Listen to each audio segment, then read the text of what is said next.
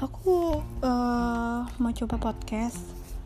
Uh, mungkin podcast kali ini aku coba bacain uh, bukunya Marcella Epe uh, yang judulnya kamu terlalu banyak bercanda. Nah uh, dengerin ya. 08.245 pagi ini tidak nyaman rasanya Berita kehilangan selalu berhasil menyita udara satu ruangan.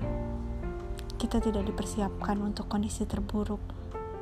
Pada saatnya tiba,